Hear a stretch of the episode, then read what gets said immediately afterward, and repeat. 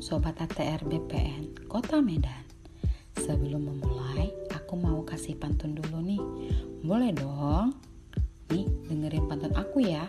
Walau sedikit biar Sobat ATR BPN terhibur. Sungguh indah pemandangan Danau Toba menjadi destinasi wisatawan. Sri Lestari, nama saya PPNPN Kantah Medan. Yuk ikutin podcast aku ya sampai akhir. Di sini aku akan jelasin terkait apa sih itu pendaftaran tanah sistematis lengkap atau PTSL dan apa aja tahap-tahap beserta biayanya. PTSL merupakan kegiatan pendaftaran tanah untuk pertama kali yang dilakukan secara serentak bagi semua objek pendaftaran tanah yang belum terdaftar di seluruh wilayah Indonesia, mulai dari tingkat desa atau kelurahan dan setingkat lainnya. Dengan program ini, pemerintah bertujuan memberikan jaminan kepastian hukum atas hak tanah yang dimiliki masyarakat. PTSL juga mempunyai beberapa tahapan dalam pemrosesannya.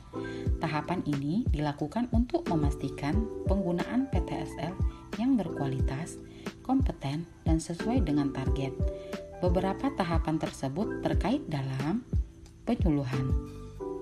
Jadwal penyuluhan akan ditentukan dan dilaksanakan oleh petugas BPN di wilayah desa setempat.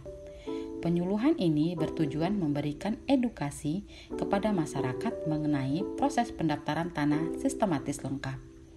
Pendataan Petugas kemu kemudian akan melakukan pendataan mengenai status kepemilikan tanah dan bagaimana tanah tersebut diperoleh melalui hibah, waris, atau jual beli. Pengukuran setelah dilakukan pendataan dan tanah tersebut dinyatakan lolos, petugas akan melakukan pengukuran.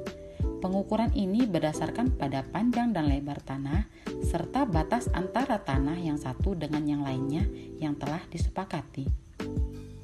Sidang Panitia A Sidang ini dilaksanakan oleh tiga orang petugas BPN beserta satu orang perwakilan dari desa terkait.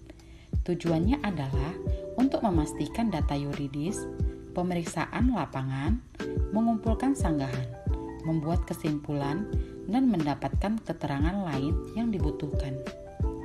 Pengumuman dan pengesahan.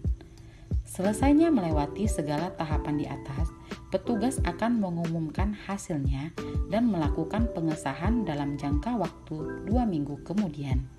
Pengumuman tersebut berisi nama pemilik tanah, luas, tata letak, dan bidang tanah. Jika tidak ada sanggahan, maka dapat dilakukan pengesahan dan dilanjutkan dengan penerbitan sertifikat. Yang terakhir, penerbitan sertifikat. Sertifikat akan diterbitkan oleh Kementerian ATR BPN Republik Indonesia kepada masyarakat sebagai bukti kepemilikan tanah. Pembiayaan dalam kegiatan PTSL ini dibagi menjadi dua bagian biaya ditanggung pemerintah seperti penyuluhan, pengumpulan data atau alas hak, pengukuran bidang tanah, pemeriksaan tanah, penerbitan surat keputusan hak atau pengesahan data fisik dan yuridis, penerbitan sertifikat. Nah, biaya yang ditanggung masyarakat meliputi pertama pembuatan surat tanah, pembuatan dan pemasangan tanda batas, bea perolehan hak atas tanah dan bangunan atau BPHTB, materai fotokopi, berkas letter C, saksi, dan lain-lain. Jalan-jalan ke Surabaya, jangan lupa beli alpukat. Demikian podcast dari saya, semoga bisa bermanfaat. Saya akhiri dengan Assalamualaikum warahmatullahi wabarakatuh. Salam sehat buat Sobat ATR BPN Kota Medan.